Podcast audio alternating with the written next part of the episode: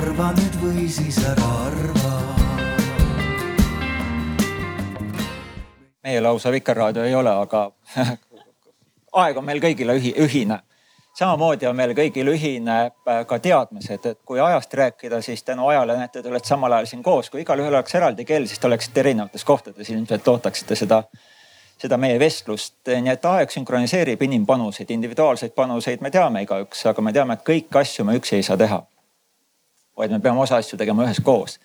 ja teadmised on samasugune sünkroniseeriv nähtus, et, et ta, need, need jagavad äh, meid erinevatesse arvamustesse, aga teatud asju me peame üheskoos äh, ka aktsepteerima. tänu sellele, et me saame siis teineteist usaldada, teatud asju koos teha teatud asjadest samamoodi aru saada ja nii edasi. mis ei tähenda, et teadmised oleksid meil fikseeritud või sellised äh, väga jäigad, kuigi meil on sihukest dogmaatilist maailma ka äh,. Minu nimi on Kristjan Port, olen Tallinna Ülikoolist, üritan üliõpilasi äh, ma ei tea, õpetada nii ajast kinni pidama kui ka, kui ka jagada neile teadmisi. Lili Milani äh, on äh, geenivaramu äh, nii vanem teadur kui ka geenivaramu juht Linnar Viik on tehnoloog ja tehnoloogia visionäär. ma mäletan, kunagi oli Microsofti ülemuste külaskäik Eestis ja mina viibisin samas kohas, siis kohalik äh, esindaja tutvustas Linnarit kui visionääri, nii et, et see arusaam ei ole kuhugi kadunud. Kai Realo on siin mitu korda meile vaikselt ütelnud, et tema ei tea, miks ta siin on. aga see tähendabki, et meil on hästi oluline, et oleks erinevad inimesed. Kai Realo on seni juhtinud vist kuusteist aastat äh, Circle K või äh, meie, meie energeetikat äh, suuresti, kas Circle K või siis varasema nimega Statoil. Ja nüüd sa oled vist äh, viimast nädalat seal ametis ja lähed üle selles energia, energia, energiaringis väljundit juhtima ehk prügimajandust manageerima, nii et ma palun teil kõigil avaldada arvamust, kas me elame praegu kõige tähtsamat aega, kas me oleme kõige olulisemad inimesed, kes on kunagi elanud, mis sa arvad? no eks me elame erakordsel ajal, kus toimuvad väga kiired muutused ja need eh, esitavad siis meile väga suuri väljakutseid. et eh, kuidas nende väga kiirete muutustega toime tulla nii kliimamuutuste seisukohalt, et kogu aeg on ju temperatuuri kõikumisi olnud, aga mitte kunagi ei ole need olnud nii kiired, et loodus ei jõua sellega kohaneda ja, ja ka meie elus tundub, et, et muutused on niivõrd kiired, et pool ühiskonda nagu ei jõuaks nendega või, või enamus ühiskonnast ei jõua sellega kohaneda ja, ja sammu pidada. et me elame erakordselt olulisel ajal, ma julgen öelda, et kõige olulisemal.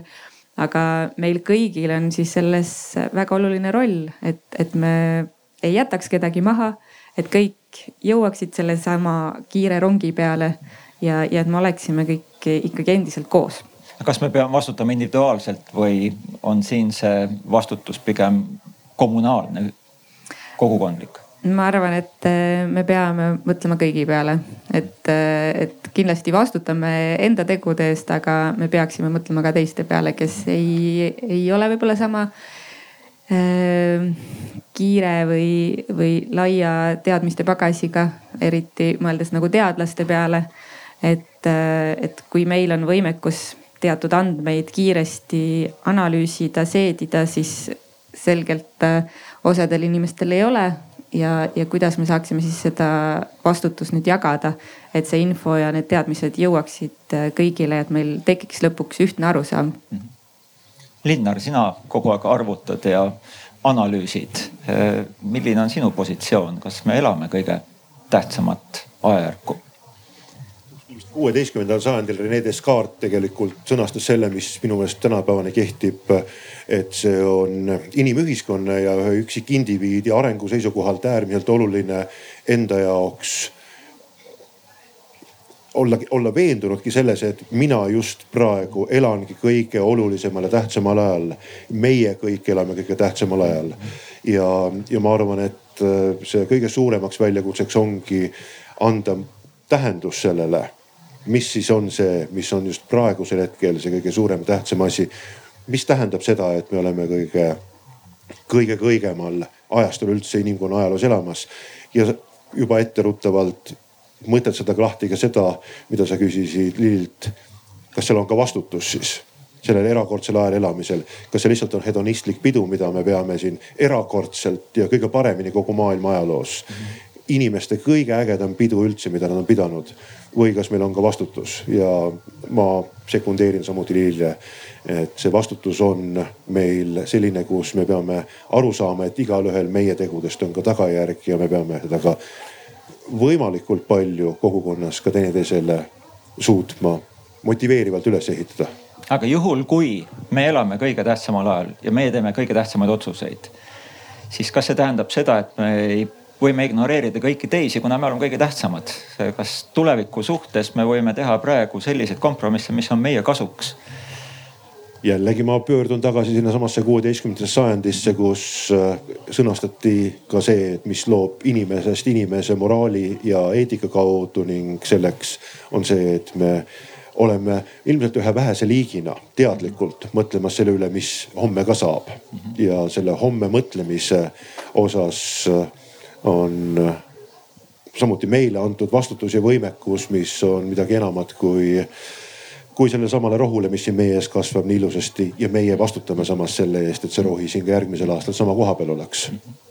Kai, sina oled ju tegelikult olnud sellise võtmeülesande täitja ühiskonnas, ükskõik, kas on eraettevõte või riiklik ettevõte, aga energeetika on alati elussüsteemi väline allikas, me peame seda hankima, see peab olema kuidagi garanteeritud. Ja nüüd sa lähed teistsugusesse tegevussfääri teatud mõttes, kus sa hoolid sellest, et mis meist kõigist alles jääb, et äh, kas meie peame praegu tegema siis neid kõige tähtsamaid otsuseid või saab midagi tulevikku lükata? Äh, ma võtaksin tegelikult kokku selle, mis nii Lili kui Linnar ütlesid, et, äh, et ma arvan, et äh, esiteks selline olulisuse tajumine ilmselt päris selgeks saab aastate pärast, et, et täna võib-olla meie kõige suurem väljakutse ühiskonnana on, on see, et, et meil on väga nagu pikaajalised põhimõttelised muutused, et ma olen nõus, et muutused on üldse kiirenenud ja inimestel on keeruline nendega harjuda, aga tegelikult on ikkagi nagu kaks sellist, mida ma välja tooksin, väga põhimõttelist ja, ja võib-olla isegi aastasadade jooksul nagu teatud mõttes juurdunud põhimõtet on täna kahtluse all, ehk et üks on see, et kas tõesti meie oleme ise süüdi selles, et kliimamuutused on toimimas, sest et ma arvan, et sellega on ikkagi äh, enamik ühiskonnast või elanikkonnast siin maal mõelnud, et, et suvi ja talv vahetuvad ja vahel on nad soojemad ja vahel külmemad ja nii see lihtsalt on. et nüüd on võib-olla selline esimene ikkagi see, kus laiem äh, inimkond saab aru, et äh, meil ikkagi vist tuleb midagi omaks võtta aga sealt loomulikult on veel pikk maa sellele, et seda tegelikult ka tõdeda ja midagi ette võtta on veel nagu veel, veel aastate taga, ma julgen arvata niimoodi väga suures massis. Ja teine, mis minu arvates puudutab ka seda, mida aeg on toonud, on ehk, et need innovatsioonid ja tehnika areng ja kõik muud protsessid, mis toimuvad, on muutnud arusaama, mis tähendab töö tegemine ehk et äh, kui võib, võib öelda, et tegelikult nii pikalt, kui inimestele ajalugu õpetatakse, on olnud see, et töö on äh, nagu hädavajalik ja seda teevad kõik inimesed, äh, siis nüüd on esimesed põlvkonnad, kes mitte ainult nagu nii-öelda mingi poliitilise vaate esindajatena ei ütle, et kes ütles, et ma pean töötama, vaid lihtsalt on ka arusaam, et äh, mis on selle töö ja nii-öelda isikliku äh, eraelu tasakaal, millega üldse on võimalik nii-öelda töö tähe all tegeleda et see on nii palju muutunud, et äh, tihtipeale rääkides inimestega tööst, siis osad ütlevad, et ma ei tahagi töötada. kui sa nendega edasi räägid, siis nad tegelikult teevad ikkagi midagi, mille eest nad tasu saavad, aga, aga nad ei nimeta seda enam tööks. Ehk et, ehk et selles mõttes need kaks asja, ma arvan, mõjutavad inimesi väga põhimõtteliselt ja, ja, ja suunavad ka nende käitumist, nii et ähm, selles mõttes me elame erakordsel ajal. Meie vanavanemad ei nimetaks seda, mida me täna teeme tööks, kuna nemad päriselt tegid tööd, me istume ja siis liigutame päeva lõpuks, ütleme jah või ei, et see tundub, et sellel nagu mingit väärtust ei ole. Aga see toob nüüd selle teaduse ja, ja hariduse temaatika juurde, et, et need on alati käsikäes käinud, aga natuke konfliktis olnud, et et haridus on siis see, mis sünkroniseerib, ta annab, hariduse kaudu me üritame edastada midagi, mis on juba olemas. et, et me jagaksime teatud väärtuseid ja arusaami. ja samas haridus peab tooma midagi uuenduslikku ja seda uuenduslikku ei mõtle haridus ise välja, vaid teadus teenindab seda, et toob seda, seda siis meile, meie teadvusesse.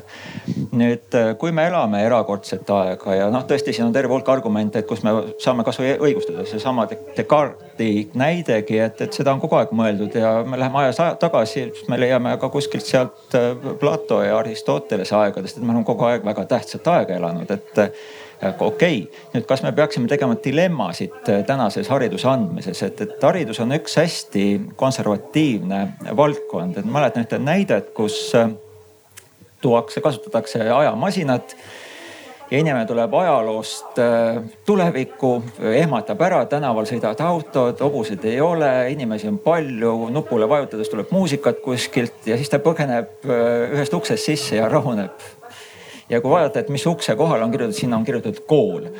Et kool on väga konservatiivne olnud, et eh, kas me praegu elame seda ajastut, kus me peaksime kooli muutma, et Lili, kas sinul on selline, ma, ma ei sunni peale lausa järjekorda, igaüks võib seda teemat üles korjata, aga et eh, lükkame käima sinu kaudu. Äh, ja ma arvan kindlasti, et äh, kool peab ka samamoodi arenema nagu, nagu ja, ka ühiskond. mida see tähendab, see areng, et seda, seda võime alati öelda, et äh, auto peab arenema, kool peab arenema, aga mis sa koolis muudaksid? jah, no kõik need oskused, mida me näeme, et praegu midagi on meil ikkagi haridussüsteemis ebaõnnestunud, kui, kui inimesed. Äh, aga PISA-s me oleme suhteliselt heal kohal, me võiksime rahulikud olla, et, et ei ole vaja midagi muuta et no eks üldiselt on seni hästi läinud, aga, aga kui me vaatame praegust pandeemiat, siis on selgelt nii, et osad usaldavad teadust, usaldavad neid tulemusi, usaldavad vaktsiine. et need andmed, mis meil on maailmast nüüd juba sadade miljonite inimeste vaktsineerimistulemused ja, ja ikkagi on mõni, kes usaldab pigem kosmeetiku soovitusi on ju, et, et järelikult on, on haridussüsteemis midagi valesti läinud, et, et meil on ka vaktsineerimise koha pealt vahepeal oleme ikkagi jälle Ida-Euroopa on ju, et äh, ei ole päris nii nagu Põhjamaades. ja, ja siis, kui me mõtleme laiemalt, mis oskusi me tahame, et noored saaksid koolidest, siis muidugi mitte ainult need äh, teadus äh, ja, ja andmeanalüüsi ja, ja statistika või oskused hinnata, mis on tõene, mis on väär aga, aga ka need kahekümne esimese sajandi oskused, mis on vajalikud nagu koostöö ja, ja, ja üldse, kuidas nad äh, sotsiaalses keskkonnas toime tulevad. et äh, mm, noh, kui mõelda Eesti peale, siis on näiteks Tartus mõned erakoolid, mis eksperimenteerivad, üritavad pisut innovaatilisemad olla. aga riigikoolid nagu ei jõua päris järgi sellele innovatsioonile, mis noh, mis tempoga asjad võiksid edasi liikuda. Linnar, sinu arvamus, kas kooli tuleks muuta, mis seal on halvasti? kõigepealt sellise aeglase arengutsükliga või loomulikult aeglase arengutsükliga valdkonnad on nagu energeetika, tervishoid ja haridus. ehk siis see, mis ma praegu teen teistmoodi, avaldab mõju päriselt ühiskonnas võib-olla alles kümne-viieteist aasta pärast. ehk need ei ole asjad, mida ma saan täna teen ja homme on muutunud. see ei ole uus tarkvara uuendus, mhm. millega meie telefonid saavad ühe uue funktsiooni juurde ja korraga ühe hetkega on nagu miljardil inimesel kõigil täpselt midagi uut olemas ehk siis see on aeglase tsükliga. Ja samas ta on tõepoolest olnud väga kaitstud ja, ja pigem isegi nagu protektsionistlik süsteem. Ma jätaks kõrvale selle, et jah, haridussüsteem vajab uuendamist ja esiteks küsime, milline see uuendus võiks olla ja kas seda on võimalik ka tänapäeval kuidagi praeguste teadmiste, praeguse pedagoogika võimekuse ja didaktika võimekuse ja ka tehnoloogiate abil teostada. ja minu väide on see, et kui meil oli selline üheksateistkümnenda sajandi käivitatud tööstusühiskonna aegne koolisüsteem, mis püüdis tagada seda, et sul oleks kohordil, kogukonnal, põlvkonnal oleks mingisugused moraalsed, eetilised väärtused, mis on nendele piitsaga ja katekismusega sisse pekstud ja selle kõrval ka mingisugused käelised oskused, millega nad suudaksid kodanikena hakkama saada ja kõigil võimalikult ühesugused. siis kahekümne esimese sajandi väärtus võiks olla ja peaks olema see, et haridussüsteem annab võimaluse inimestel läbida oma haridustee nii, et need asjad, milles nemad talendikad on ja parimad on oleksid võimendatud. see, see on ja seal on konflikt. kool, klassiruum peaks tegelema ja õpetaja klassiruumi ees ei saa tegeleda samaaegselt kolme mahajäänuga ja nelja geeniusega ja siis kahekümne keskpärasega vaid ta püüabki keskpärasust taastoota ja kuidagi neid nõrkaid järele aidata.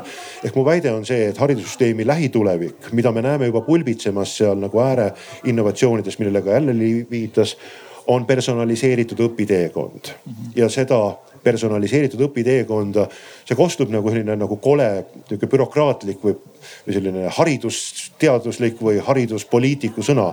aga see tegelikult peaks tähendama seda, et see, milles sina oled tugev seda on sul võimalik võimendada. see, kui sind huvitab hiina keel ja sa Hiina ajalugu ja sa elad Kihnu saarel, siis sul on võimalik seda saada parimal viisil. Ja see on see, mida mina näen nagu haridussüsteemi tulevikuna.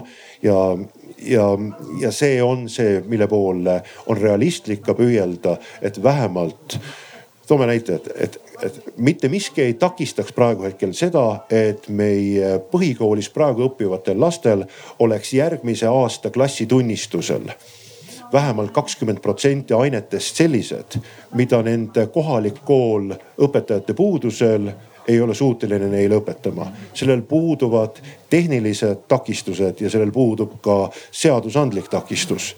see on kuskil mujal kinni ainult ja miks ka mitte viie aasta pärast pooled gümnaasiumi lõpetajate lõpuhinnetest võiks olla ainetest, mis praegusel hetkel nende koolis ei õpetata ja võib-olla isegi nendest omakorda pooled ehk veerand siis kokku võiks olla sellised ained, mida mingil põhjusel Eestis gümnaasiumi lõpetajatele ei õpetata.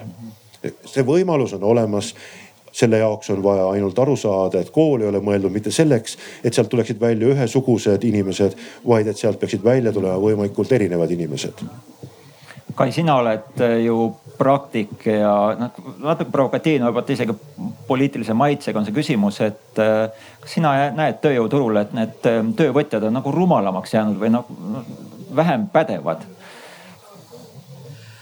sellel on nagu, ähm, ma annan sulle kaks vastust, et äh, küsimus on see, et mida pidada rumaluseks, et äh, ma olen väga palju äh, pidanud vastama küsimustele, et kust need inimesed tulevad, nad ei oska isegi leiba lõigata. noh, selles mhm. mõttes, et tõepoolest me pidime Circle K või tol ajal Statoili jaamades Äh, kohapeal tehtavate võileibade sortimenti piirama, sest et äh, lõpuks oli oht, et meil jäävad ilma näppudeta töötajad, sest et tõepoolest see noa käsitlemise oskus ei olnud ka isegi õpitav.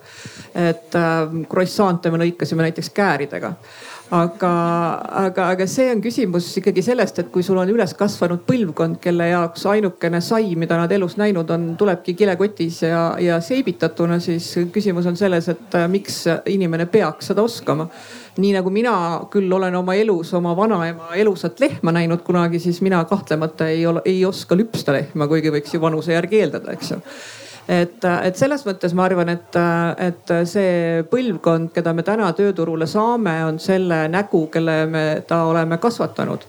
aga minnes originaalse küsimuse juurde, et kas haridussüsteemis ja, ja mida peaks seal tegema, siis vaadates neid noori inimesi, kes ähm, tööturule tulevad ja nendega ikkagi väga lähedalt kokku puutudes, siis ma ütleks, et ähm, me ju elame ajal, kus informatsiooni on nii palju, et me räägime siin äh, big data töötlemisest ehk et seda ei ole võimalik enam isegi tavaliste arvutitega äh, nagu töödelda. mida me siis ootame tänapäeva inimestelt, äh, kes peale selle, et seda informatsiooni on palju tänu innovatsioonile, tänu äh, teaduse arengule see info veel ka uueneb ja muutub, ehk et tegelikult selline faktipõhine õpe saab äh, baseeruda ikkagi ainult baasil minu hinnangul, et, äh, et tegelikult, mida me peame järjest rohkem inimestes arendama, on, on seoste ja järelduste tegemise võimekust. Ehk et sisuliselt aitama neil õppida, jõuda oma nende teadmiste või siis ka näiteks guugeldamise teel saadud teadmiste põhjal ikkagi oma protsesse kasutades, oma mõtteid mõtteloogikat kasutades jõudma ikkagi mingitele adekvaatsetele järeldustele ehk et mitte kõike, mida sa kuuled ja näed, võtma nagu tõe pähe, vaid õppima tegelikult mõtlema ja järeldusi tegema. ehk et selline klassikaline faktide pähe tuupimine, nagu ka minu põlvkond seda tegi, et pidid teast, peast teadma, noh minu ajal veel suure isamaasõja kõiki lahinguid ja kõike muud, siis selle teadmisega tegelikult ei ole tänapäeval midagi teha, sest et äh, selle saab ka lihtsalt guugeldades kätte. iseasi, kas sa seda allikat uskuda saad, et, et selles mõttes ma arvan, et äh, faktid on olulised, aga faktidest veel olulisem on see, et kuidas inimene nendega toime tuleb, kuidas ta neid oma mõtteprotsessis kasutab selliselt, et ta jõuab järeldusele, et näiteks vaktsineerimine ikkagi on mõistlik tegevus.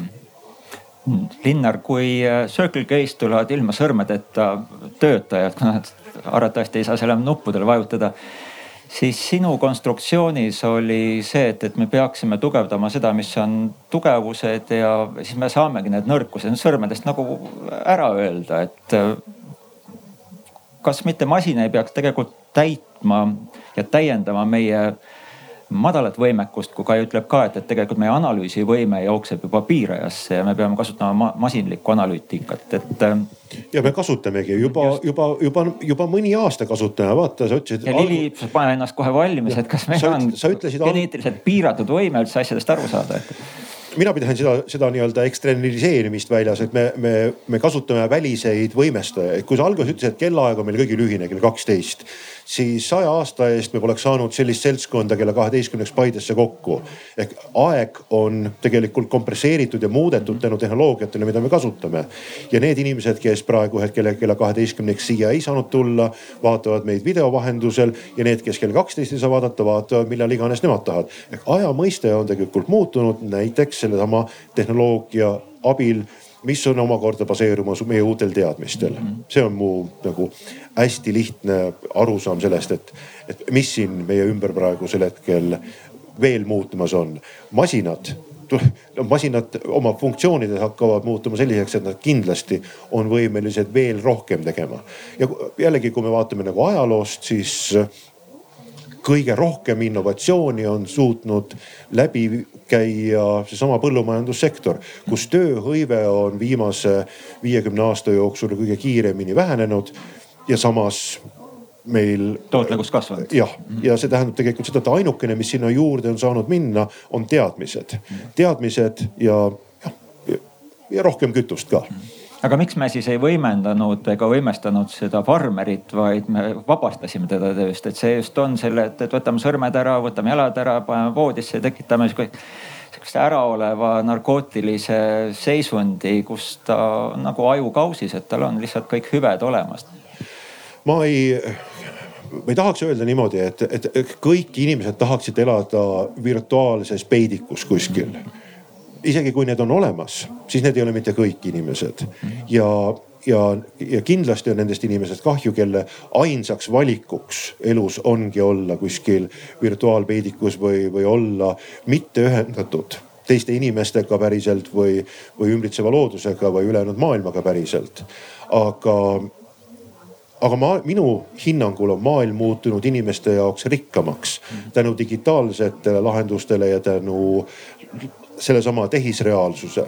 ta on muutunud rikkamaks ja, ja, ja kui, kui jällegi tulla tagasi selle esimese väite juurde, et inimene otsib tegelikult oma elule tähendust ta otsib seda, et on mõnus, aga ta otsib ka mingit tähendust. siis ideaalis see tähenduse leidmise ja tähenduse realiseerimine on praegusel hetkel rohkem võimalik kui kunagi varem. seda ettemääratust, seda, et ma sünnin kuskile siit Paide kuningriigis ühe, ühe väikese taluniku tütrena ja ma tean, et ma kõige rohkem elus võib-olla kahekümne kilomeetri kaugusele jõuangi siin. ma isegi ei mõtesta seda, et ma tahaksin kuskile kaugemale kui kakskümmend kilomeetrit jõuda ja minu elu ettemääratus tol ajal oli sedavõrd selge millest me praegu hetkel ei pruugi üldse aru saada. et mu väide on see, et me elame sellepärast ka paremal ajal, et meil on rohkem valikuid, kui me suudame sellesama tähenduse enda jaoks sõnastada. ja see tähendus ei ole mitte eskapism, peitu pugemine virtuaalmaailma, vaid ülejäänud maailmaga tihedamas seoses olemine see on huvitav väide, et me elame parimal ajal, kusjuures me ju ise ei taju seda, vaid me oleme suhteliselt kriitilised. me näeme aegade jooksul, et, et, nagu asjade hulk ja teenuste hulk ja heaolu ja inimese elukestvus ja inimeste arv on suurenenud. aga rahulolematus ei ole vähenenud, vaid pigem kipub ka suurenema, aga Lili, et, et kui Linnar väidab, et või esitab vähemalt väitena, et et inimestel on mingi enese leidmise vajadus, enese teostuse vajadus ja sipelgatel, kes siin murulehtede vahel liiguvad, arvatavasti seda ei ole. suurtel ahvidel ka ei ole. kas meil on olemas siis mingi selline geneetiline viga või, või, või, erisus mis ajab meid teistsuguseks elus looduse esindajaks, kes võib-olla, kellel õnnestub ka tuksi keerata kogu see elamine siin? No eks me erineme geneetisil, geneetiliselt päris kõvasti sipelgatest. Äh, kuigi no, meil on. banaanist meil on vist genoom kattub vist viiskümmend protsenti, et see on nagu tüüpiline üliõpilane istub äh, toolis et on äh, raske öelda, et äh, kui suur osa sellest geneetilisest varieeruvusest nüüd äh, määrab selle, kas me keerame maailma tuksi või mitte. aga kui mõelda selle personaalse hariduse peale, siis äh, tegelikult on küll äh, geeniuuringute põhjal erinevus inimeste vahel, et äh, selliseid tugevaid geneetilisi variante, mis, mis piiraksid kellegi õppimisvõimeid, on, on väga vähe et ainus, mis äh, me oleme koostöös teiste teadlastega leidnud, on kuueteistkümnendal kromosoomil nagu väga suur jupp on, see on puudu. see on päris haruldane, üks inimene viie tuhandest umbes. et aga me oleme neid ka Eestis leidnud.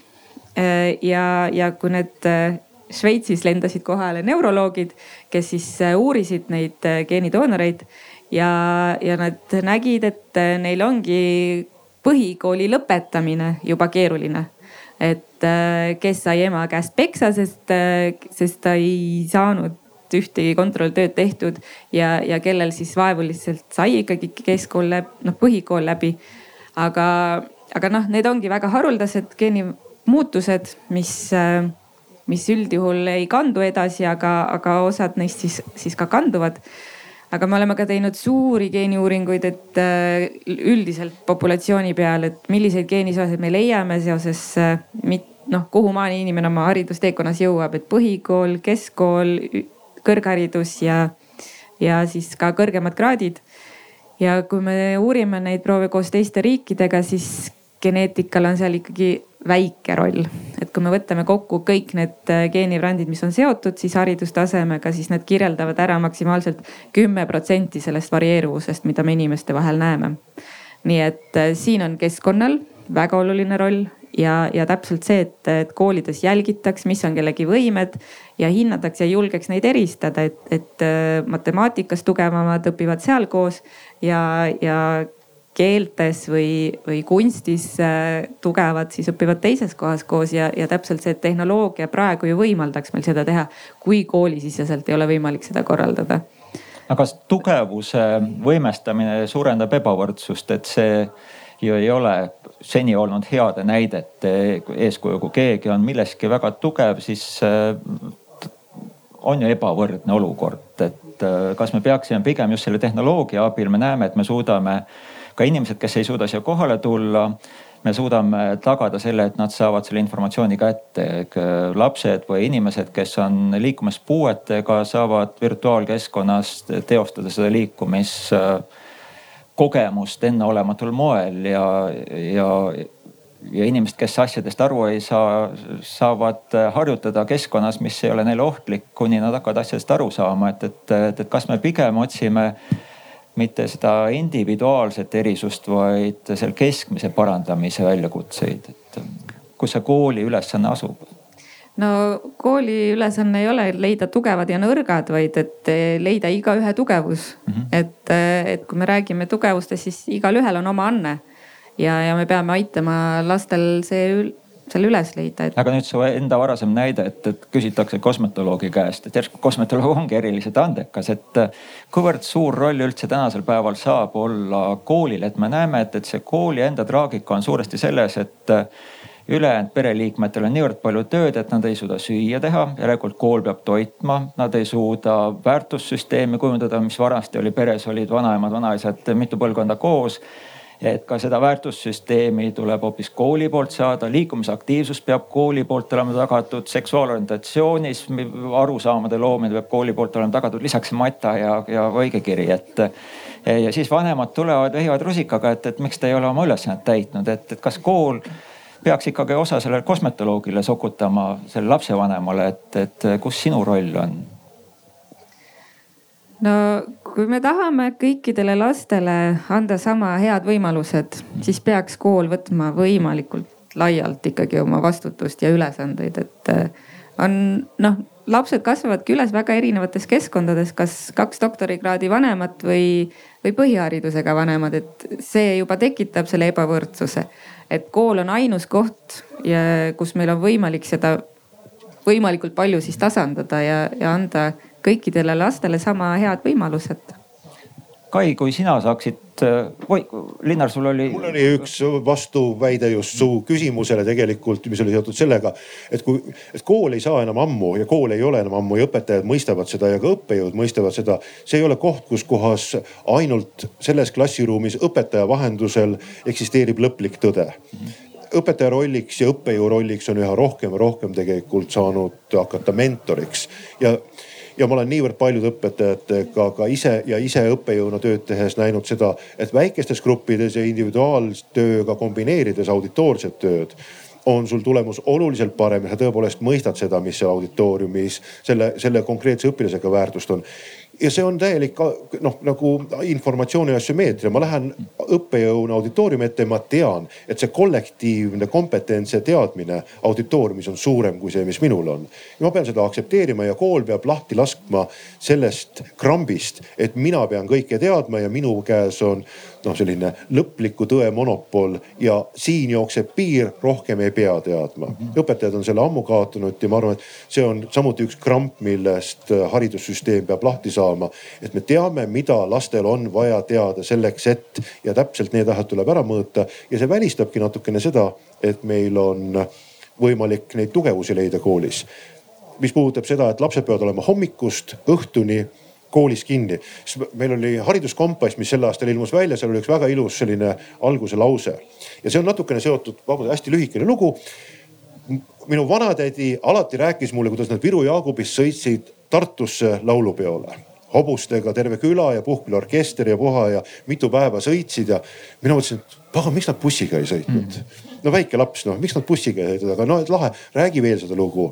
ja, ja ma olen küsinud seda oma laste käest, et mida teie räägite, noh nagu oma lastele või lastelastele, et vot kui mina olin, siis minu tütar ütles, kes lõpetas just gümnaasiumis, et tema räägib see, oma lastelastele ilmselt seda, et kui mina käisin koolis, siis esimesest päevast alates, kui ma kooli läksin, kool on selline, kõik küsivad, oh, mis see kool on, vanaema, räägi, räägi, mis asi see kool on. et siis ta räägib seda, et vot kool oli selline asi, sihuke suur maja, kujutate ette suur,, suur-suur maja. nii ja kõik lapsed hommikul autodega sõidetakse kohale ja siis mõned lähevad ise jala, neil on kotid on seljas ja siis nad on seal päev läbi kinni. ja nad pannakse eraldi väikestesse ruumidesse grupi kaupa ja siis need kontrollitakse, vahepeal nad peavad koos minema ühte toitu sööma kõik ja siis nad hoitakse kinni seal ülejäänud päeva ja siis siis õhtul nad lähevad laiali. paistab, et sul on olnud suur trauma igal juhul aga ei, see ja see ja, ja siis mu tütre point oli see ja siis korraga aastal kaks tuhat kakskümmend mm. see kõik muutus et see on see lugu, mida tema ütles, et tema räägib oma lastelastele. mina ei tea, kas see kõik muutub. Kai, aga kas see muutus siis Facebookiks, et, et Facebookis on sellised kõlakojad, mis ütlevad, et meie teame ja see on see, kus inimese senine kogemus eristada õiget valest on haavatav kergesti, kuna paljud ütlevad.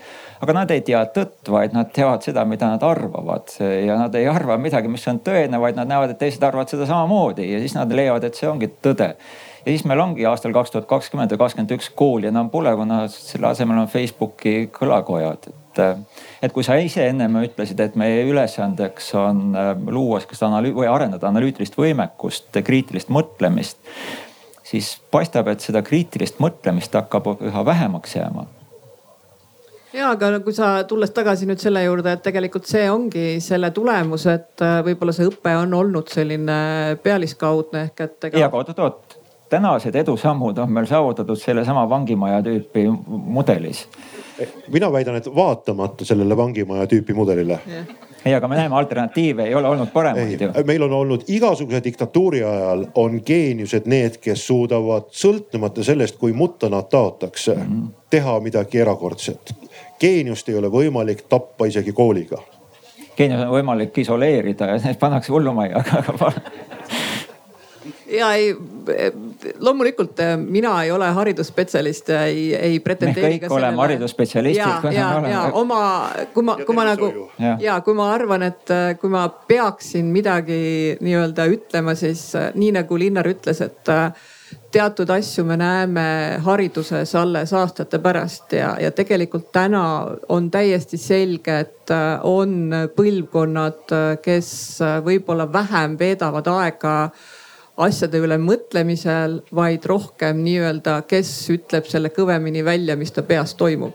ehk et äh, paljud äh, sellised äh, võiks öelda otsused on tehtud ikkagi emotsioonide pealt ehk et inimesed tahavad olla nii-öelda kaasas arutelul aga kui seda arutelu nagu kõrvalt äh, vaadata, siis seal ei ole seda nii-öelda argumentatsiooni, mida saaks öelda, et ta baseeruks mingisugustel äh, teaduslikel äh, põhimõtetel, vaid ikkagi see on puhtalt see, et mulle tundub, mina arvan ja ma kuulsin, et see oli nii.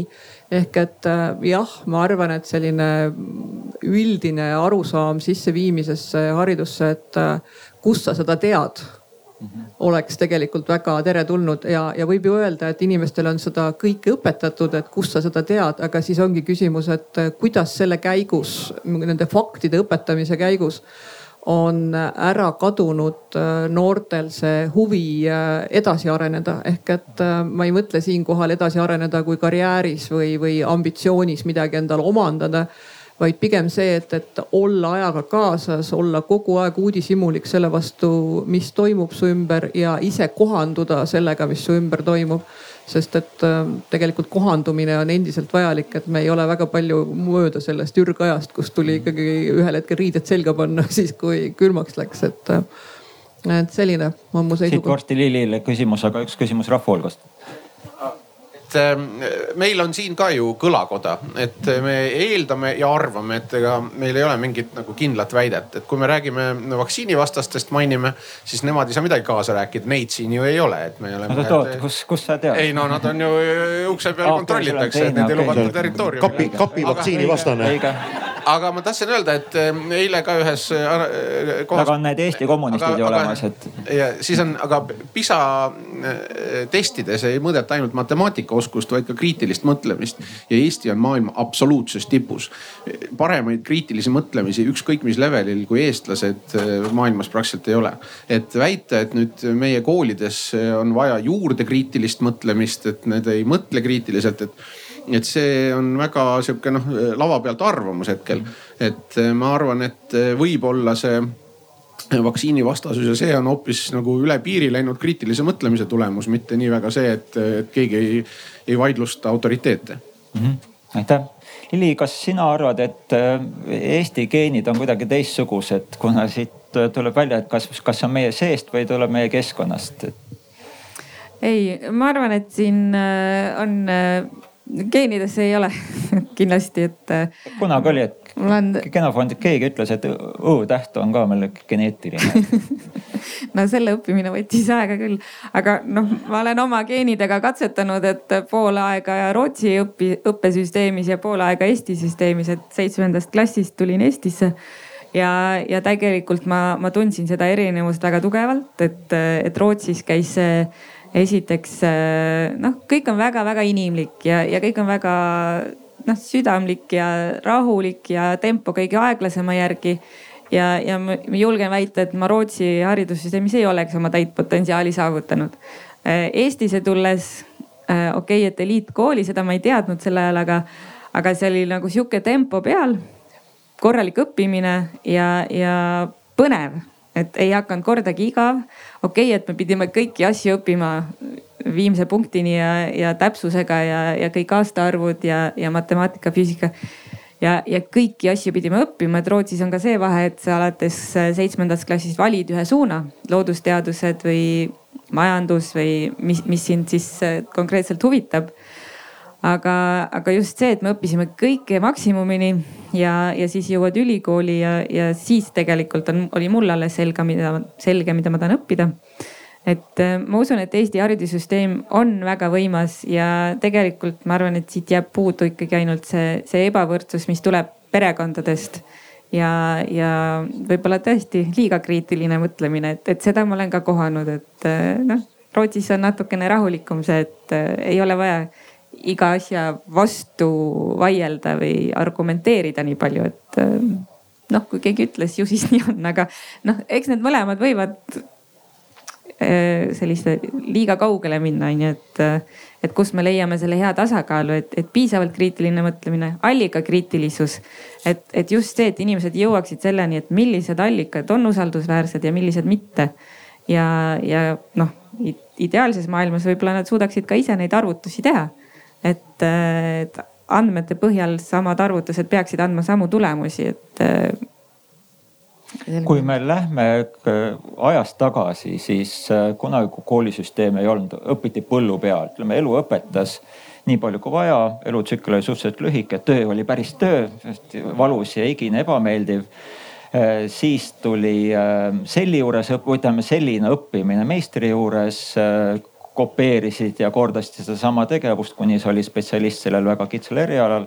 Siis tekkisid masinad, mis unifitseerisid osa inimese ebameeldivast ja raskest tööst. ja koolisüsteem orienteerus äh, inimest koolitama väga täpseks, äh, daatumeid pead teadma, algoritme pead teadma, sind sisuliselt koolitati masina osaks ja, ja tänu sellele me oleme niivõrd kaugele jõudnud, meil ongi hästi palju masinaid, aga need masinad vabastavad meid tervest hulgast tegevustest, nii kehalisest tegevusest, aga ka mõtlemise tegevusest, et need vaimsest tegevusest, et selle ju vestlusringi selline varjatud pealkiri oli, et kõik ei ole kliki kaugusel, et, et me oleme hakanud harju, mõtlema sellele, et, et, et asjad on, vastused on kuskil olemas. Ja, ja nüüd, kui kui me natukenegi kiidame oma Eesti koolisüsteemi, aru saamata, et mis seal hea on, aga me lihtsalt ütleme, et tulemus paistab, et on hea, et me endiselt ütleme, et on koolimaja ja, ja lapsed tuuakse autoga ja hoitakse koos ja kontrollitakse. Et kas see on jätkusuutlik, et, et mida peaks hetkel hakkama juba vaatama, et, et, et koolis peaks muutuma, ma tean, Linnar, sa juba vihjasid sellisele telemeditsiini ja telekooli ja, ja, ja kompetentsi põhisele omandamisele, et see ei pea üldse koolimajas olema, et, et, et kuidas sa seda muutust näed, kui praegu peaks äh, ajaloos tagasi vaatama aastal kaks tuhat kakskümmend või kakskümmend üks, siis kooli, koolisüsteemis midagi olulist muutus. mis asi see muutuse sisu oleks?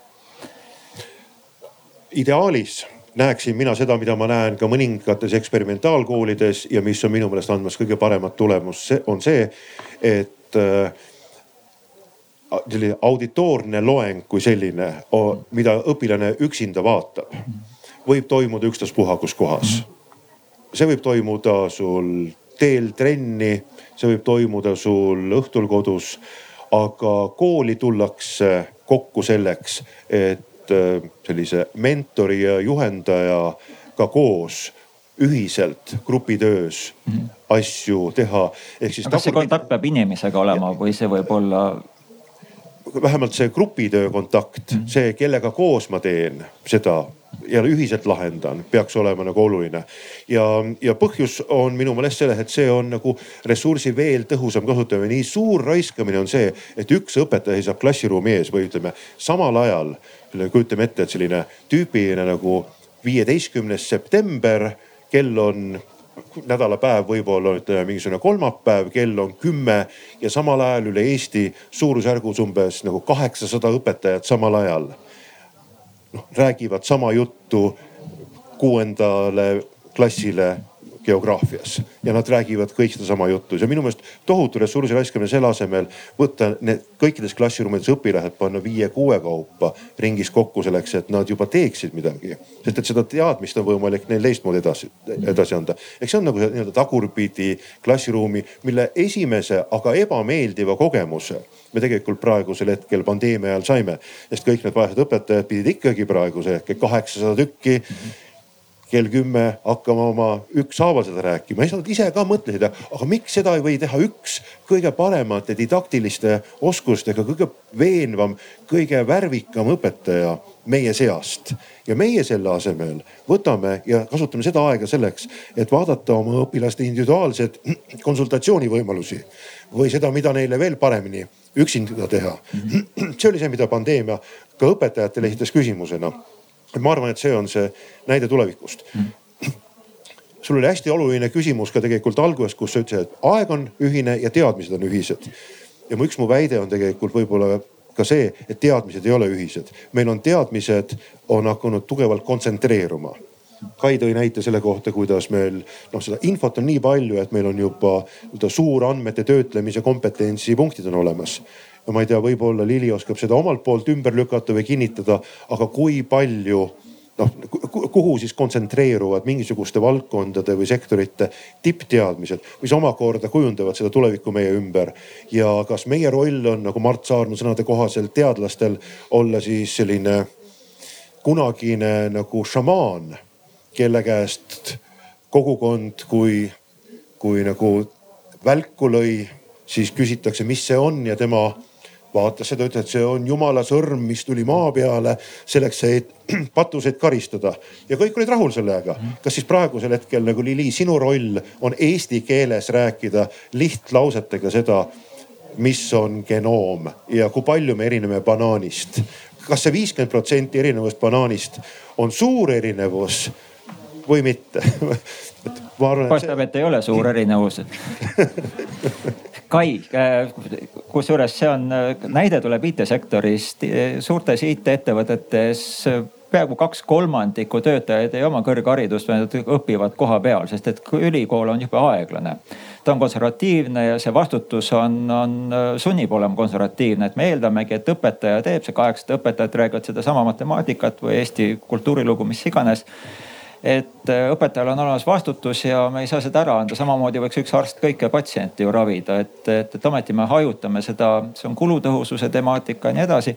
aga nüüd me näeme, et see kool ei ole suuteline tagama seda muutuvat ühiskondlikku vajadust ja me näeme, et see eri kiiresti muutuv, just tehnoloogia tõttu kiiresti muutuv vajaduste spekter äh, fokusseerub hoopis töökohale, et, et kui palju sa oled siis, õpetasid töökohal kääridega krossääne lõikama, mida veel ma, see on väga hea, et sa seda küsid, sest see on täpselt see, millest äh, ma olekski ka tahtnud ka rääkida, nagu Savisaar ütleb harilikult. et ähm, tegelikult inimeste puhul praegu ma näen, et äh, küsimus ei ole niivõrd palju sellest haridusest, vaid küsimus ongi selles, et inimesed saavad hariduse aga, aga, aga seda tehakse kujul, mis mingil hetkel ei anna neile aru saama, mida nad tegelikult nagu tegema tahavad hakata. Ja, ja tänu sellele küll see haridustase, mida Eesti kool annab, võib olla väga hea, aga see ei, ei rakendu nagu praktilisse võimesse midagi peale hakata ja kuna tänapäeval on ju selge, et äh, väga paljusid näiteks äh, töökuulutusi enam ei saa kirjutada ainult ametinimetuse järgi, sest ametinimetused on täna juba sellised, mis äh, ei ole enam nii lihtsad nagu arst, lasteaiakasvataja, autojuht, vaid et sul on ametinimetus, mis vajab tegelikult lahti kirjeldamist, et milliseid oskuseid ja, ja millist kompetentsi sellel ametikohal vajatakse nii samamoodi tegelikult on ka tänapäeva noortel seda nii-öelda valdkonna valikut väga palju keerulisem teha, ehk et jõuame ikkagi tagasi selle juurde, et mil moel selle haridusprotsessi käigus, hariduse andmise protsessi käigus pöörata igale noorele mingil ajahetkel nii palju tähelepanu, et aru saada, milles seisnevad tema tugevused ja kus on tema huvi, sest tegelikult ka need teinekord ei pruugi kokku minna, aga kui inimesel on piisavalt suur huvi, siis äh, võib ka imesid juhtuda selles osas, mida ta on võimeline omandama. Ja, ja see võib-olla kõlab nagu banaalselt, et me hakkaksime juba väikestele lastele mingisugust äh, karjääriteekonda ette kujundama, aga teatud suuna seadmine seda inimene võib täiskasvanu eas ju tegelikult väga edukalt muuta, aga, aga suuna andmine noorena tegelikult äh, tagab selle, et sellel noorel võib säiluda huvi mingi valdkonna vastu väga pikalt ja tema nii-öelda pühendumus sellel valitud erialal töötamisel on tunduvalt kõrgem kui see, et sa eksled äh, küll väga hästi koolitatuna ja tööturul ja püüad seda oma kohta leida suhteliselt kõrges vanuses Lili, kommentaar ma tahtsin sellele vastata pigem sellest nurgast, et äh, kutseharidus on meil alati olemas olnud. et äh, kui, kui me vaatame ka IT-d või geenitehnoloogiat, siis äh, täielik patt on see, et IT-bakaharidusega inimesed või, või isegi magistriga inimesed lähevad lihtsalt programmeerijateks tööle või, või geenitehnoloogia haridusega noored lähevad laborandiks või, või isegi molekulaarbioloogia tarvikute edasimüüjate, noh müügiinimesteks põhimõtteliselt on ju. et sul ei ole vaja selleks kolm aastat või viis aastat haridust, et, et müüa pipetiotsikuid või, või mingit ensüüme isegi noh, ma arvan, et see on see koht, kus me peaksime selgelt eristama, mis on ülikooli roll. me tahame koolitada eksperte, kes leiutavad midagi uut, kes tulevad, lahendavad mingit uut probleemi, mõtlevad suurelt ja laialt. selleks sul on vaja õppida kolm aastat kõiki molekulaarbioloogia aluseid, kuidas töötavad bakterid, viirused, kuidas sa saaksid viirusest võtta mingisuguse ensüümi, panna inimese rakkudesse ja muuta mingit noh vähki ravida või noh, mis, mis see on, mRNA vaktsiinid, kuidas need on välja töötatud, kuidas sa töötad need, selle tehnoloogia välja, et viia noh, ravimatu maksahaiguse raviks kasutada sedasama tehnoloogiat et, et see on see lai haridus, mida meil vaja on ja, ja seda kõrgharidust on vaja.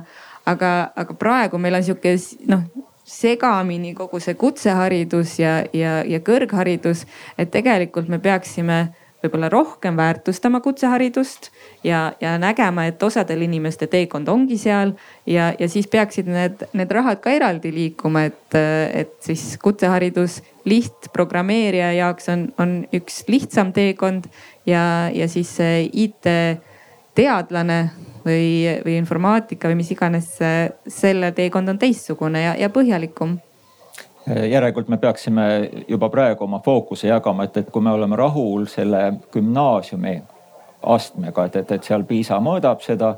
aga siis me näeme, et tööjõuturg seda kõrghariduse lõpetajat mõõdab palju kehvemalt, et, et ütleb, et ja raha, päeva lõpuks raha loeb, sellepärast need programmeerijad lähevadki IT-ettevõttesse, kuna nad saavad palju suurema palga sealt ja saavad kokku puutuda selle uuema just cutting edge tehnoloogiaga mis annab nendele konkurentsieelise võrreldes sellega, mis siis ülikoolis toimub palju aeglasemalt ja, ja, ja noh küll nõudlikumalt, aga, aga tasa lülitab kõiki neid eksperte, spetsialiste.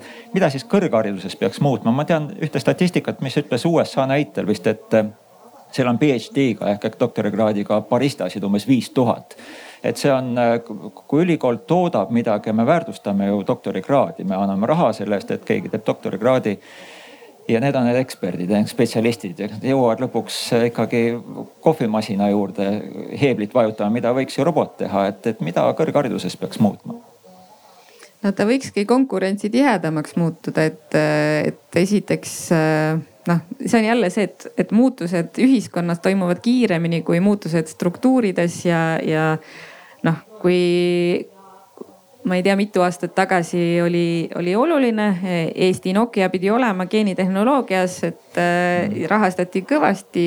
noh, siis kui mina seal õppisin, oli riigieelarvelisi kohti vist nelikümmend ja, ja siis ülejäänud oli vaba, et kes tuli oma rahaga. et meid olid, noh, meie kursused olid tohutu suured ja, ja siis see on mingil määral ka jäänud ja need muutused tulevad liiga aeglaselt ja IT-sektor jälle nagu kasvab ja, ja sinna ei jõua see raha piisavalt kiiresti. et, äh, et kuidas neid äh, suuri rahasummasid kiiremini liigutada, ma ei tea, võib-olla siin on mõnel paremaid mõtteid. aga, aga just see, et jah, kiiremini nende muutustega kohaneda, ma arvan, on üks esimesi samme igatahes. Kai, kas äh, erasektor, äh, suurettevõtted peaksid rohkem dikteerima ülikoolis õpetatavat? Kas just dikteerima, aga ma arvan, et no, kindlasti. ja, aga ma arvan, et kindlasti oleks mõistlik erasektorit usaldada selles küsimuses, et äh, millist kompetentsi, milliseid teadmisi, milliseid oskusi äh, me näeme, et on vaja mitte ainult täna, sest täna on ju hilja, sest et äh, meil on vaja välja mõelda ja aidata koos mõelda, et milliseid sektoreid ja milliseid inimesi, millistes sektorites meil on vaja näiteks viiekümne aasta pärast et, et ikkagi need inimesed valiksid õiged erialad, et on ju alati ühiskonnas käesoleval hetkel poppe teemasid. ehk et äh, ei ole ju äh, saladus, et väga keskkonnateemad on hetkel väga popid, et väga palju tuleb inimesi, kes on õppinud siin erinevaid loodusvaldkondi äh, aga noh, samas äh, nende nii-öelda rakenduseks ei ole ju tegelikult äh, mõistlikku äh, mudelit, et osad neist lihtsalt peavadki minema baristadeks, sest et lihtsalt ei ole seda rakendust. Et osa otsuseid paratamatult hariduse suunamisel tuleb ära teha riigil ehk et ikkagi kontrollida, kuhu pannakse riigi poolt see raha milliste valdkondade õpetamisesse ja, ja noorte arendamisesse, et äh, loomulikult ei saa kätt ette panna, et kui inimese kutsumus on õppida midagi, mis äh, talle väga meeldib, siis äh, selleks peavad ka võimalused olema, aga, aga suures pildis ikkagi selline suunamine ja eraettevõtjate kaasamine selle suure pildi tegemisele. seda me oleme nagu pikalt üritanud ka mõjutada ja on täitsa selgelt ka valdkondi ja ameteid, mida täna tegelikult üldse keegi ei kata võtagi, et näiteks kui ma ütlen, et ähm, kaubanduses äh, nüüd aastaid või kui mitte öelda aastakümneid töötanuna, siis tegelikult sellist äh, head kategooria juhti täna tegelikult ei, ei kasvata keegi, et äh, seda on võimalik, seda teekonda ülikoolis on võimalik kuidagi kokku äh, nii-öelda otsida, aga, aga see tähendaks ikkagi seda, et inimene käib juba ülikoolis mitu ringi ja, ja, ja nii-öelda saab sellist äh, teadmist sealt mingite lisakursuste kaudu. aga kaubandusvaldkond ei ole ju ainult see, et keegi seisab kassas, teeb äh, selle mm, ribakoodi lugejaga piiks, et äh, see, mis kaubandus on, see on tegelikult ikkagi väga spetsiifiline valdkond, seal on väga palju ja, ja ma ei räägi üldse sellest, et keegi tegeleks meil hinnaanalüütikaga näiteks või, või, või sellise asjaga, et äh, seda peetakse nagu, et kaubandus, mis ta siis on, et peaasi, et kaup on riiulis ja siit me tuleme et, äh, et jah, ma arvan, et õpe, on vaja ka seda, et kaasatakse ettevõtjaid natukene rohkem sellesse protsessi. see on üks äh, oluline ja ohtlik temaatika, et, et selleks, et kassas piiksu teha, peab raha andma ja juhul, kui päeva lõpuks loetakse raha, siis ettevõtlus ju suunab äh, suuremat raha teenima ehk, ehk ta monopoliseerib teatud tegevusvaldkonnad. me näeme, et tehisintellekti arengus selle põhiline rakendus on tegelikult tõhususe kasv majandussektoris, mis tähendab töötuse kasvu, et inimene on see wetware hardware on palju efektiivsem sellist tükitööd rutiinselt kakskümmend neli, seitse, kolmsada kuuskümmend viis tegema ja tagajärjeks on siis see, et, et seda raha ei olegi inimestel, kus seal piiksutada ja seetõttu see ebaefektiivsus tagab selle, et kassas on üks ebaefektiivne inimene, kes saab suhteliselt madalat palka, aga ta saab raha ja majandus töötab äh, tänu sellele ebaefektiivsusele. kuidas Linnar, sina näed, et kas tehisintellekt on tegelikult inimest vabastamast nii, nii, nii rahast kui ka inimeseks olemisest? ma vist juba ketran nagu vana plaat ja tundub, et ma ühtegi teist filosoofi peale Descartes'i ei tea okay.. aga. Plato ja.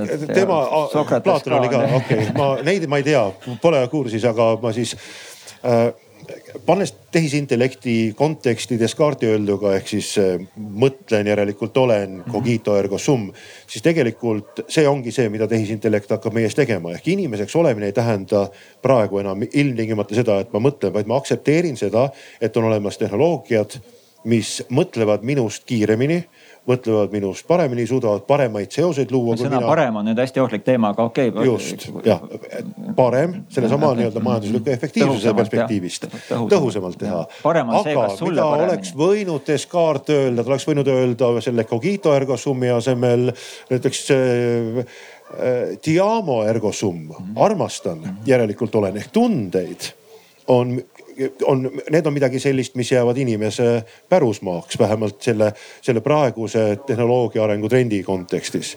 Ja ja me tõepoolest oleme kümne aasta jooksul näinud muutumast noh nagu tööturul rohkem kui võib-olla viimase viiekümne aasta jooksul. Ja Eesti on noh, selles mõttes nagu eriline riik, et pärast taasiseseisvumist me käisime väga ränga tööturu struktuurse muutuse läbi ja, ja selle, selle meil on ette heidetud, et me nii-öelda üleminekuperioodil või taasiseseisvumise järel ei pööranud sellele piisavalt tähelepanu, et see sotsiaalne hind oli väga suur ja ma väidan seda, et ka seesama, mis praegu hetkel toimub digitaliseerumisega ja selle mõjuga töökohtadele, mitte ainult Eestis, vaid ka kõikjal mujal, arenenud riikides on tugevalt läbi mõtlemata. kui Eesti oli Euroopa Liidu eesistuja, siis lauale pandi üks olulisemaid raporteid, mis oli jäi nii-öelda kõrvalvaatepilti ja küsimus oli selles, et kui palju on aastaks kaks tuhat kolmkümmend tööturult automatiseeritud ära Euroopa Liidus erinevates valdkondades töökohti tööturult. kolmkümmend protsenti nendest töökohtadest, mis praegu on. Eesti kontekstis, kui me kujutame ette, et see võiks tähendada umbes kakssada tuhat inimest juba praegu hetkeks kaheksa aasta pärast, te peavad mida, midagi muud tegema armastama peavad, kus, kuna praegu on haridus. või, või peavad nagu selle töö sisu on kindlasti midagi muud ja töö sisu Circle K-s on aastal kaks tuhat kakskümmend üks midagi hoopis muud, kui ta oli aastal kaks tuhat kakskümmend. sest et meil on äh, näiteks äh, Kabanossi äpp olemas. vaba, seda ma isegi ei teadnud ja ma isegi ei saa aru, miks ta olemas on. aga, aga mäletad neid aegu, kui bensiinijaamad olid lahti nagu üheksast viieni, bensiini ei olnud ja siis keegi ütles, et, et hakkame nüüd seal nagu kohvi või pakkuma või laseme, hakkame inimesi tualetti sisse laskma, siis bensujaama bossid, need noh, nagu need onud, kes seal olid, eks ju, kes andsid raha vastu, mis ma olen mingi sibi sul või nagu. ja ma võin sellel teemal rääkida, mis, mis. igal mu selle... point oli see, et need muutused on olnud väga kiired ja sina võid edasi rääkida nende muutuste sisust ja näitlikustada neid. ja ma võin näitlikustada seda, et kuidas inimene alati jääb, sellepärast et äh, muidugi ma ei saa öelda alati, sest et äh, praegu kindlasti jääb et olles nüüd viimased. seni kuni kabanossi saab, on inimene. ja, ja senikaua kabanossi süüakse, jääb inimene, aga, aga selle konkreetne näide, et teda illustreerimaks, olles kuusteist aastat tegelenud nüüd sellise mugavustoiduga, siis äh, võib öelda, et on tehtud väga palju selliseid innovatsioone, näiteks äh, Saksamaal ja, ja ka mõnes muus riigis on olemas sellised äh, teenindusjaamad või, või siis tanklad, kus kohapeal sa saad siis väikesest latrikesest paned sinna kaks eurot sisse ja siis seal sees on see hot dog ja neid kogu aeg nagu täidetakse tagant nii-öelda kogu aeg on see nii-öelda selline suur sein väikeste aknakestega. mõtle, kui efektiivne, sa lähed, paned kaks eurot sisse, teed selle luugikese lahti ja seal hamburger ootab ja veel ka ilusasti soojas, eks ju aga inimesed ei taha seda, sellepärast et selle küsimus ongi nagu see, et, et see inimese ebatäiuslikkus teeb teatud mõttes selle teenuse nagu huvitavaks, et äh, see, et, et sa esiteks saad vaielda selle teenindajaga, et mis kastmed ma panen, eks ju. kõik astmed, eks ju, siis öeldakse, et ei, ei, ei seda ärge pange, eks ju, aga te ütlesite kõik astmed, ei, vot seda ma ei taha et, äh, et see on selle mängu nimi ehk et sa saad osaleda selles protsessis ja teine pool on ka see, et, et sa saad selle nii-öelda nagu see klassikaline laste, laste lugu on sellest, et mis selle memme-musi mõte on, eks ju et tegelikult selle teenindamise juures on täpselt samamoodi, et kui sa oled terve päev otsa autojuhina istunud autos, nühkinud seal oma istme peal ja vaadanud seda õudset liiklust, mis Eestis toimub. sa lähed teenindusjaama, siis absoluutselt iga teenindaja, meil on ka kõik inimesed ju ilusad iga teenindaja tundub sulle nagu lihast ja luust inimesena, kes sulle korra naeratab ja sulle tundub, et sul on päev õnnestunud.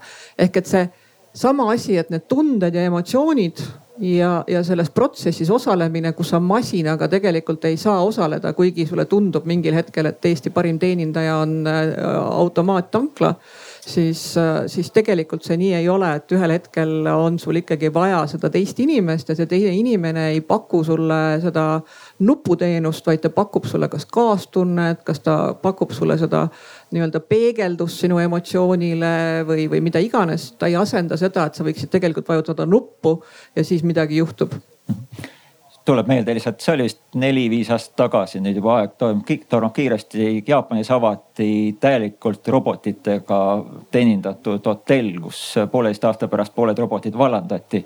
ja üks robot ajas eriti külastajaid närvi, kuna ta hakkas öösel küsima, mis viga, mida teha saan kuna inimene norskas moel, kust robot tõlgendas seda mingi palvena, ta ei saanud aru, ta küsis, et midagi, inimene ärkab üles keset und, jälle küsitakse, mida, mida tahad aga, aga siit tekib tegelikult see suurem temaatika ja kuna meil on haridustemaatika ja filosoofidest juba juttu tuli, siis David Hume'i tasub ka mainida, et David Hume'i giljotiin on see, et, et kus meil on küsimused, et on ja ei ole või vastused on ja ei ole ja siis on järgmised, et peaks ja ei peaks. ja see on see kuristik nende kahe vahel, et see, et, et kui me andmeid kogume tänasel päeval hästi palju, näiteks, et et keskmine vererõhk on seda sada kolmkümmend viis, aga sinu vererõhk on sada nelikümmend, mida sa peaks tegema. see ei tule nendest numbritest, see tuleb kuidagi teistmoodi mõtlemisest. ja see, et meil on inimlikku kontakti vaja, ma mäletan ühte uuringut, kus oli vist Prantsusmaal läbi viidud kus inimesel oli võimalus vestelda robotitega ja osa roboteid kippusid tüssama ja valetama ja osa olid nagu väga faktitõesed ja paari nädala pärast küsiti inimest, et, et mis sul meeles on sellest vestlust, tuleb välja, et, et rohkem ei meeldi vestlusest sellest petva ja tüssava robotiga ja, ja, ja tema meeldis ka rohkem. ja nüüd meil tekib see tõesti küsimus, et kui me lähme andmepõhiseks maailmaks, kus me suudame andmeid analüüsida inimesest paremini siis tegelikult päeva lõpuks, nii nagu Linnar ilusasti juba esile tõi, et, et see armastus on see tunne, et armastus ei ole fakt, proovi armastust analüütiliselt erinevatele telgedele panna, sa ei suuda seda teha sa ei suuda, masin ei suuda öelda, kas on armastus või mitte, kas armastus kabanossi vastu või armastus su partneri vastu. kui sa ütled, ma armastan sind nagu kabanossi, siis tundub natuke nagu võigas. ei no okei okay,, kabanossiga on okei okay,, aga ma armastan sind nagu oma ema, noh et, et siis tundub natuke imelik. kabanoss on nagu laulupidu, et ma armastan laulupidu, ma armastan kabanossi, ta on osa kultuurist. Okei okay,, aga proovi robotile see selgeks teha, et, et robotil on kabanoss ja robotil on doktorivorst ja siis robotil on partner ja siis robotil on riigilipp ja vapp ja robotil on ema ja robotil on kass ja koer ja siis ta ütleb, et see kõik on üks armastus, ei ole et, et see on see traagika või no ütleme, see väljakutse, et kui me automatiseerime seda maailma üha rohkem, siis äh, me ei saa neid vastuseid, mis ütlevad, et kas meil on hea olla või mitte hea olla. et äh, kes oskab selle probleemi ära lahendada, et ma soovitan kohe, täidan selle taotlusvormi, kus Nobeli preemia kandidaate saab edastada, kas teil on ideid? efektiivsus ei ole kriteerium mitte kunagi olnud, mitte kunagi üheski riigis no,. ei ole üheski ühiskonnas. see, see traagika ongi. ka ei ole tegelikult, sa langetad, sa langetad tegelikult öö, äh, otsuseid öö, äh, piiratud informatsiooniruumis mm. -hmm arvuti ei langeta neid otsuseid sinu eest, sina pead langetama selle otsuse samamoodi see, et. isegi praegu osa raviotsuseid aitavad arvutid teha ja me loovutame seda.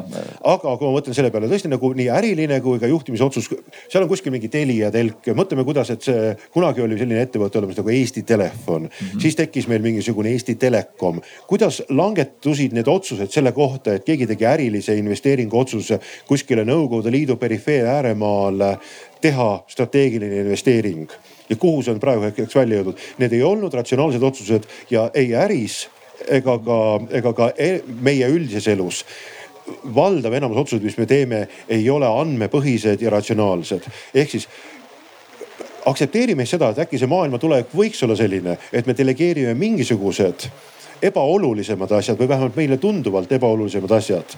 no see, et millise trajektooriga minu muru niita minu platsi peal, delegeerime selle robotile. aga aga asjad, mis nagu tundub, et annaksid mulle nagu võimu kätte, need ma jätan endale. ja jätkan samamoodi ebaefektiivselt äh, seda, seda otsuse tegemispuud, mis, mis praegusel hetkel on nagu, teebki mind inimeseks mm. -hmm aga kuhu sa selle vahe tõmbad, et millal me ütleme, et, toon teise näite, et, et äh, et utoopia on alati inimesi huvitanud, utoopia on see, et kreeka keeles siis tähendab, et seda kohta pole olemas, aga järelikult meid kogu aeg huvitab see mingisugune paremus ja selles paremas maailmas ei ole haiguseid, ei ole kurjategijaid, ei ole vastikuid naabreid, nii edasi. ja nüüd tekib küsimus, aga kes, mis hetkel ütleb, et äh, sina kurjategija sinna ei pääse või sina, mina olen otsustanud, et sina oled kurjategija, sina sellesse utoopilisse, sellesse kenasse maailma ei pääse, sina oled liiga haige, sina ka sinna ei tule ja, ja sina vaktsiini ei kasuta, sina ka sinna ei pääse, et et, et, et need on väärtuspõhised otsused, et, et kas Just. need jäävad inimese teha. ja väärtuspõhisus on on plahvatanud Mm -hmm. ma arvan, et siin kellelgi aju plahvatas ka publiku seas, kui ta kuulis, kuidas Kai ütles, et, et kabanoss on laulupidu, mõlemad on osa kultuurist. Äh, Ühendkuningriikides äh, viis aastat tagasi publitseeriti viis artiklit aastas kultuurisõdade teemal mm. -hmm möödunud aastal üle kaheksasaja artikli kultuurisõdade teemal.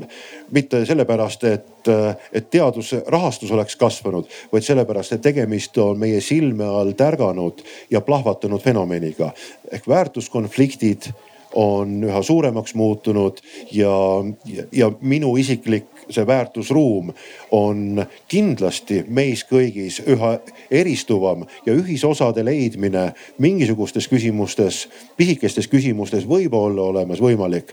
aga kuskil tuleb nagu see, see nagu pauk sisse kuskil tuleb see pauk sisse, ütleb, et laulupidu on nagu kabanoss ja see on kultuur ja ma järgmist sinu lauset ei saa enam tõsiselt võtta, sellepärast et sa oled selle kultuurisõja valla päästnud. seesama, mida siis, mis on nagu siis ka uuringute järgi nagu kordades ja kordades kasvanud. ehk see on see kõige keerulisem koht, kus kohas meie väärtusruum on killustunum kui kunagi varem ja samas me peame aktsepteerima seda, et sinu, Lili, Kai, minu väärtusruumid on erinevad, aga ometi me suudame ühel laval koos olla. aga see väärtusruumide erinevus on bioloogilise taustaga, et, et, et ja kas moraal on bioloogiline? Mm, sina oled ei... siis bioloogilise distsipliini esindaja, sa pead, sa pead omama vastuseid. jess, tuli hea küsimus see, see on äh, huvitav küsimus, et äh, tegelikult see kõik on äh, kuidas on nüüd nature and nurture ehk siis, mis on geenide poolt kaasa antud ja mis on keskkond või? no geenid on ainult programmis tagavad sellele, sellele rakule, selle kõige väiksemale elusühikule kohanemisvõime, palunemisvõime et kõik ei pea olema tingimata geenides kirjas, ta võib olla keemiliste reaktsioonidena kirjas, aga, aga, aga see kohanemine selle keskkonna suhtes annab sulle jutumärkides tunde kätte kas läheb hästi, on samasugune või läheb halvemaks ja see tahab säilitada kas olemasolevat või natuke paremaks muutuda ja see peab olema bioloogiline ju et kas, kas kristlik moraal on geenidesse sisse kirjutatud, kas kui liigi säilimise eeldus? Selfish gene ja nii edasi. see ei, ei ole, ütleme otse välja, et ei ole aga, aga näiliselt tundub, et on, mhm. sellepärast et ükskõik millised tunnused, mida me võtame, need on omavahel korrelatsioonis. ja väga raske on tegelikult seda geenide ja keskkonna mõju lahku lüüa, sellepärast et me näeme, et, et vanemate geenid mõjutavad, millist keskkonda nad lapsele loovad, kas nad ostavad talle kabanossi või mitte või annavad talle porgandit ja kapsast ja, ja sellerit, et äh, et, et see on see vahe ja, ja see on ka, miks meil kindlasti meil võib tekkida vaktsiinivastasusega, me võime leida geneetilisi korrelatsioone. aga need ei ole geenid, mis määravad, kas inimene vaktsineerib või ei vaktsineeri. et äh, korrelatsioon ei ole kunagi põhjuslik ja, ja siin tuleb ka täpselt see geneetika ja, ja noh, elustiili valikud tegelikult lahku lüüa. et äh, vastulause? ei, ei ole vastulause, ma tahan just äh, sellele peale ehitada, et tegelikult äh, see inimeseks olemine ongi selles mõttes nagu äh, niivõrd fun ja eristab meid masinatest, et jälle tulles tagasi nende noorte põlvkondade juurde, et nende noored põlvkonnad tegelikult ju on kellegi lapsed ja, ja üldjuhul nende vanemad oma võib-olla ka mm, nii-öelda üleskasvatamiselt, äh, kõigi oma hariduselt, oma, oma selliselt äh, taustalt või keskkonnalt on tulnud hoopis teisest keskkonnast. no võtame kasvõi mind, ma olen äh, kindlasti ju käinud põhikoolis ja, ja tegelikult ka ülikoolini ju veel nõukogude ajal. ehk et võiks ju mõelda, et ma olen kasvatanud üles enam-vähem samasuguste põhimõtetega inimese aga üllatus-üllatus, minust kasvas välja selline padukapitalism, eks, kapitalist, siis minu laps on selline neokommunist, eks ju, et, et, et, et selles mõttes vaatamata minu enda tõekspidamistele ei ole ma suutnud järjekindlalt seda viljeleda oma, oma isiklikus elus ilmselt midagi kuskilt üle kompenseerides, midagi, ma ei tea, tegemata jättes, et tuleb äh, peeglisse vaadata ja alati, kui mul vanemad kolleegid vinguvad oma nooremate kolleegide oma suhtumise või asja üle, siis ma ütlesin, et minge koju, vaadake peeglisse ja tehke sellest järeldused, et et inimene ongi selles mõttes nagu üks huvitav äh, asi, et äh, me võime rääkida ühte uskuda ühte ja mingil hetkel see ebaratsionaalne käitumine lööb sisse ja ma arvan, et see teeb selle elu põnevaks jah, Dan Arielyl on huvitavad arengud äh, irratsionaalsusest, inimene, kes üritab olla tegelikult lipukirjaks panna oma ratsionaalsuse, tegelikult käitub irratsionaalselt ja nüüd on juba kaks-kolm Nobeli preemiat majanduses antud välja just selle irratsionaalse käitumise analüüsi kasuks. aga kas see tähendab, äh, et, äh, et meil tegelikult no sa tood huvitava teema esile, et meil ei ole nii palju aega selle kasutamiseks või arendamiseks, et tegelikult kõik teismelised on neokommunistid, nad tahavad saada vastavalt vajadusele et.... minu neokommunist on juba kakskümmend kuus. no, no. ja sa ikka võimaldad vastavalt vajadusele just täpselt. aga sotsioloogid eh, on tähele pannud, et eh, põlvkonnad ja bioloogias tuleb see ka, et põlvkond on reaktiivne neid sünnitanud põlvkonna suhtes, sest vastasel juhul nende tarbimisvajadus oleks väga samasugune, nad lihtsalt kurdavad oma keskkonna üle. selles suhtes on alati lapsed on nende, neid sünnitanud põlvkonna suhtes reaktiivsemad kui nende vanavanemate suhtes, kus nad jagavad natuke rohkem ühiseid, ühiseid väärtuseid nüüd, kas meie praegu on tehnoloogiline põlvkond, mis on väga kõrgelt hindab sellist automatiseerimist, et kas sellele võiks järgneda selline ludiitide põlvkond, kes hakkavad masinaid lõhkuma? on kellelgi arvamusi? jäite väga nukralt mõtlema praegu? ma küll praegu võib-olla nii kaugele ette ei suuda mõelda, et tõesti, kui mõelda, et mis on praeguse nagu noore põlvkonna nagu absoluutne inimõigus on äh, elekter, et saaks midagi laadida. ja teine on wifi, et saaks olla ühenduses, et, äh, et keegi hakkab seda lõhkuma. aga ma never say never nagu öeldakse. Linnar. ma ei tea need muutused tehnoloogia valdkonnas on olnud niivõrd kiired, et äh, meil oli kunagi vist aastal kaks tuhat neli kirjutati raamat nii-öelda interneti ajaloost.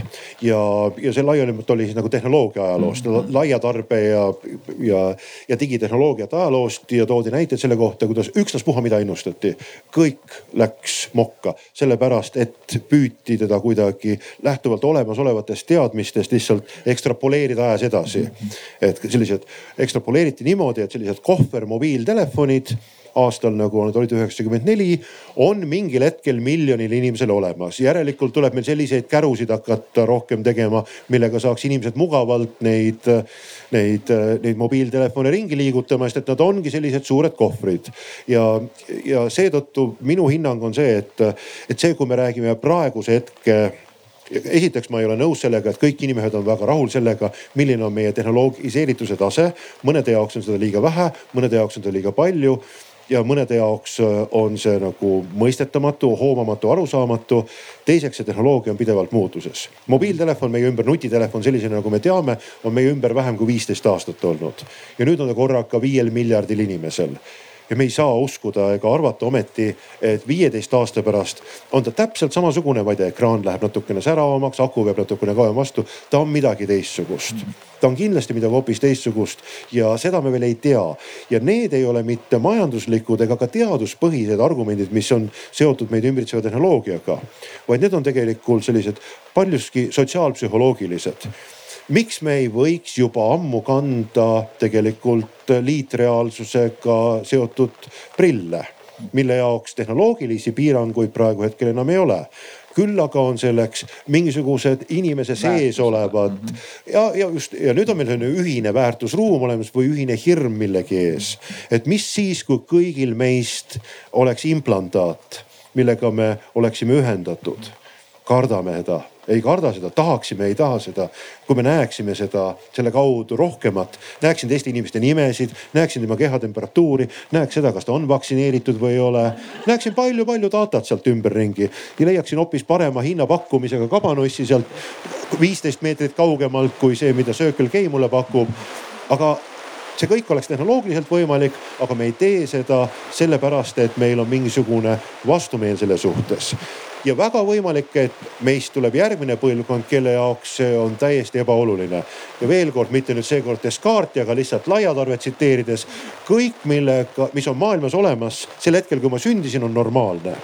kõik, mis luuakse juurde, kuni ma olen kolmekümne viie aastane, on innovaatiline ja superäge. ja kõik, mis tekib maailma juurde pärast seda, kui ma olen kolmekümne viie aastane, on saatanast, halb ja sellepärast läheb kõik hukka ja see on tegelikult alati see nii-öelda põlvkondlik ehitus, ülesehitus. jah, see on hea koht teatud vahepausi tegemiseks või teatud faasi nihkeks, et äh, mäletan ühte analüüsi, neid analüüse on piisavalt palju tehtud, üks Nature's, kus äh, ekspertidelt küsitakse tulevikuennustusi, nad ennustavad kehvemini kui juhumasin ja mäletan investeerimisnäidet, kus ekspertinvestorid, siis amatöörinvestorid ja väikse lapse käest küsitakse, üheksa aastase lapse käest küsitakse investeerimis ideid aasta jooksul. Äh, eksperdid äh, kahjum miinus nelikümmend kolm protsenti, amatöörinvestor vist kahjum oli miinus kümme protsenti, laps oli pluss üheksa protsenti. et kas, kas eksperte tasub üldse uskuda, et, et paneme siin suu kinni ja küsime, et kas teil on küsimusi, millele saab vastata? tervist et jutus oli päris huvitavaid metafoore, näiteks vangla ma pakuks teile välja neli erinevat metafoori ja tahaks küsida, et mis suunas, kui nüüd tuleb valida, peaks kõige rohkem ressursse panustama, et Eesti haridus edasi areneks ja noh, need ideed, mida te käsitlesite, rakenduksid, sealhulgas kriitiline mõtlemine. esimene öeldi välja juba vangla, eks ole, mille, mille mõte ilmselt on anda mingisugune standardiseeritud teadmiste kogum noh, ei ole ju välistatud, et sel juhul need inimesed näiteks vaktsineerimisse ka suhtuvad kõik ühtemoodi. nii, teine eh, Platonit juba mainiti, oleks aed. noh, aia eelis on see, et ilmselt see guru või visionääri ja järgijate suhe oli seal küllaltki ka emotsioonidele tuginev, mitte ainult ratsio'le, eks ole. ja eh, kolmas eh, metafoor oleks, kõlas siit kaudselt ka läbi Eh, meister ja õpipoiss, eks ole, ülemus, küsid ülemuse käest, et mis mul puudu jääb, eks. me siin ühes teises diskussioonis kuulsime, et mõned ülemused lausa iga nädal teevad arenguvestlusi oma alluvatega.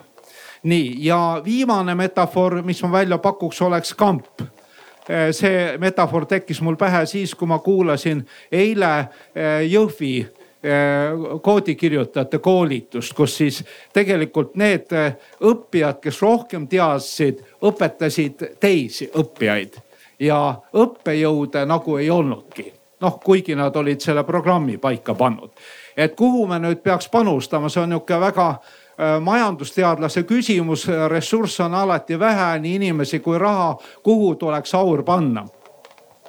on kellelgi vastus omavahel alguses vestlesime, et me väga poliitilisi positsioone ei võta, aga samas saime ka aru, et, et see temaatika on niivõrd sihuke policy making uga põimunud, et, et väärtussüsteemid, raha, haridus, äh, majandus, et me ikkagi peame mingi vastutus oma seisukohta omada ja mina võib-olla, kes kõige vähem äh, teoreetiline olen selles grupis, ma usun, on, äh, ma arvan, et mul ei ole õiget vastust, aga, aga kui neid metafoore tuua, siis minu jaoks need on sellised nagu kahemõõtmelised, et äh, et kas nii või naa, aga, aga ma arvan, et see haridus peab kuidagi suutma seda ruumi ja aega hoopis teiste nagu mõõdetega hakkama kasutama, ehk et seesama asi, et kuidas olla, ma ei ütleks, et efektiivne on hea sõna, et efektiivne alati tekitab sihukese tunde, et sa tahad äh, kellegilt midagi ära võtta ja kokku litsuda kuidagi. aga, aga pigem nagu see, et, et, et kuidas seda aega ja ruumi kasutada selliselt, et äh, aega oleks rohkem äh, individuaalse ja, ja personaalsema ja võib-olla sellise koos olemise jaoks ja, ja seda teist äh, poolt ehk et seda, kus sa lihtsalt äh, omandad seda teadmist ja saad seda nii-öelda nagu sellises äh, lineaarses jadas, siis seda võiks teha nagu võimalikult suure, suure nii-öelda rahvamassi jaoks, et et kindlasti siin nii kiiret lahendust ei ole võib-olla, kui, kui siin Linnar välja pakkus, aga, aga ma pigem ei valiks ühtegi nendest metafooridest ja ütleks, et äh, nii nagu aeg ja ruum ja kõik muutub äh, tänapäeval ja teadus areneb, siis me peaksime proovima leida täiesti selliseid out of the box äh, lahendusi tuleviku jaoks. Lili no ma võib-olla jätkaks siit, et, et tegelikult koroona ju ka tõi meid siia, et kus kõik olid sunnitud liigutama õppe, distantsõppe ja e-õppe peale ja paljud koolid ju kutsusidki teadlasi appi ja, ja me oleme ka varem teinud Noored kooli programmi raames üksikuid loenguid, mis, kus me seletame lahti mõne teema ja, ja need ongi olemas, need on Youtube'is olemas, need on täpselt ruumist ja ajast vabad. ja, ja õpetaja saab neid kasutada täpselt sel hetkel, kui ta tahab, sellepärast et ka noh geenitehnoloogia näide jälle, et see teadmised muutuvad ajas nii kiiresti edasi. et äh, ma arvan, et minul ei olnud bakalaureuseõppe ajal mitte ühtegi õpikut sest äh, ei ole mõtet ühtegi õpikut trükita. teadmised muutuvad poole aasta jooksul väga palju. ja, ja miks need teadmised ei võiks jõuda lasteni ja, ja kooliõpilasteni, et, äh, et täpselt see, mida Linnar ka enne ütles, ütles mulle ka Treffneri gümnaasiumi direktor, et tal on suur mure, et, äh, et tal on klassis lapste kollektiivne teadmised on oluliselt kaugemale arenenud kui mõne õpetaja oma et, et kuidas jõuda sinna, et õpetaja täidaks seda õiget rolli, et ei ole enam meister ja õpipoiss, et, et mõnes aines võib-olla on, aga väga paljudes ainetes see, see mudel ei tööta enam ja need loengud ja moodulid peavad kuidagi muud moodi üles ehitatud olema, et, et me saaksime nüüd sellest kriisist õppida ja, ja mõelda, kuidas me nüüd edasi lähme sellega, et me ei lähe tagasi, vaid, vaid, vaid liigume edasi ja kasutame kõiki neid uusi tööriistu, mis meil käes on ja mõnes mõttes on ju ülikool selline koht, kus laboratoorne töö on meistri ja selli töö, üliõpilased omavahel vestlevad, on see omavahelise õppimise võimalus. auditoorne töö on see aia ideestik ja noh, vangla on tegelikult kogu ülikooli maja siis, et mitte, mitte halvas ega sugugi sellel teljel, aga, aga ta sarnaneb väga palju sellele, et me teatud mõttes seda ka ju realiseerime. iga ühiskond ilmselt on oma nägu ja kui suurusjärgus umbes üks miljard inimest praegu hetkel käib koolis maailmas või vähemalt peaksid käima, paljudel ei ole selleks võimalust ja ligipääsu olemas, lihtsalt riigid on sõjas või ühiskond on täiesti katki. aga äh, pandeemia ajal kõik jäid koju, kõikjal maailmas ja siis hakkasid kõik mõtlema, mida nüüd teha toon erinevaid näiteid ja, ja iga näide peegeldas tegelikult selle riigi konkreetset nagu valmisolekut ja võimekust. kahes Kariibi mere saarel võeti ja tehti telestuudiost, tehti mull, kuhu pandi kaheksa õpetajat elama. Äh, riigis oli kolm riiklikku telekanalit, millest kaks näitasid mingisuguseid seebioopereid ja reklaame. Nende kava asendati järgmisest päevast koolitundidega. Ja need kaheksa õpetajat, kes seal mullis elasid, valiti välja, nemad hakkasid siis tunde pidama. Ja kõik lapsed vaatasid kodus televiisorist kooli. Ja ja need, see oli nii-öelda järelvaatamisega ka või noh, selles mõttes järelvaatamisega, et seal järelvaatamist ei ole, aga lihtsalt vaadati siis õhtul ka ja, ja mil iganes see telekava pandi kõik välja, kõigile pandi postkastidesse telekava. kodused tööd saadeti postkastidesse neile ilusasti kodude juurde ja see oli nagu nende lähenemine ja täiesti nagu ka toimis. aga kõigist nendest näidetest, mis, mis praegu Tiit esile tõi, mina ei nimetaks seda mitte kambas õppimiseks, aga ma nimetaks seda kureeritud ühisõppeks. ja see on minu meelest mitte ainult äh, äh väärtustamas äh, ja ja tõhusalt teadmisi edasi andmas äh, ühelt inimeselt teisele, aga ta on ka kõige paremini teostatav kahekümne esimese sajandi tehnoloogiatega praegusel hetkel ja, ja, ja see, see, see nõuab väga palju tegelikult julgust õpetajalt kui selliselt, mitte olla teadmiste allikas, vaid innustada tegelikult õpilasi. täna tuled sina pead selle loengu, ütleme täna seda tundi annavad meile Anne ja, ja, ja, ja, ja Peeter, kes on sellega ette valmistanud ja me ülejäänud arutame selle üle. see annab tegelikult, see, kasvatab õpilahest hoopis suurema inimese ja see on minu arvamus sellest kõigist nendest stsenaariumidest, mis just Eestile sobiks. Eestile sobiks riik, kus me tegelikult, me oleme nagu võib-olla kui ainult kaks religiooni, mis meil on, on nagu haridus ja, ja loodus. ja nende, nendesse me suhtleme emotsionaalse, religioosse, sellise sügava tundega ja, ja nendesse me tahame sügavalt panustada. ja ma tooks siia ühe dimensiooni veel juurde, et meil on üha, üha rohkem oluline elukestev õpe. et, et, et see, kes tänasel päeval tööjõuturule siseneb, arvatavasti peab üle kümne korra ümber õppima ja seda sa ei saa enam koolist kätte, vaid sa saad selle just sellest keskkonnast, mis on paindlik ja, ja võimaluste rohke ja eksperimenteerida, eksperimenteerimiseks ka valmis. ta on valmis ka eksima, aga millest me õpime, õpime kõige rohkem just eksimustest. kas on veel küsimusi? mul jäi üks sõna siin kõrva äh,, masinate lõhkumine äh, ja mõnes mõttes ma zoom iksin välja selle probleemi või mida me üldse õpetama peaksime ja, ja siin oli äh, internetist, äh, elektrist juttu, et seda meil on vaja. noh, internet, elekter ei ole ka masin, mis kedagi segaks. samas meil on äh, tootmine, energeetika, põllumajandus, meil on mitmeid valdkondi, kus tegelikult lugesime selle nädala IPCC aruannet järgmised aastakümned me kõik tegeleme masinate lõhkumisega. me peame äh, lõhkuma ära energeetika, mis on liiga saastav, me peame ära lõhkuma äh, tootmise, mis on liiga saastav, majade ehituse, mis on liiga saastav, põllumajanduse, mis on liiga saastav ja tegelikult küsimus ei ole, kas me oleme kõik masinate lõhkujad, me kindlasti oleme seda, me peame selle saaste alla viima, millega me täna nii tegeleme.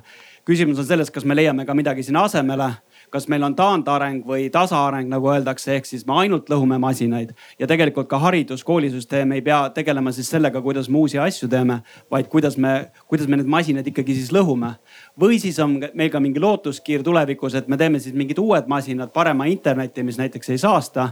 Ja siis nende uute masinate abil suudame mingil määral siis oma elustandardit, mugavust ka hoida et kas siit ei tule välja nagu, no mõtleme natuke liiga vanamoodi ikkagi, mida me õpetame, mingit bioloogiat, geograafiat, matemaatikat, et nad on kõik selles vanas äh, paradigmas sees. samas me teame, et meil lähiaastatel mitte ainult uuele põlvkonnale, vaid kõikidele meie põlvkondadele see paradigma muutub täiesti tundmatuseni no ma arvan, et siin ongi teadlaste roll ikkagi tegeleda selle ülesehitamise ja innovatsiooniga ja leiutamisega ja, ja kui nüüd mõelda koolide peale ja selle, nende metafooride peale, siis ma jälle ka lõhuks need ära, et, et tegelikult kui me tihti teadlastele räägime, et meil on lihtsalt ressursipuudus, inimesi ei ole, siis minu juurde on tulnud need kooli üheteistkümnenda või kaheteistkümnenda klassi uurimistöö õpilased.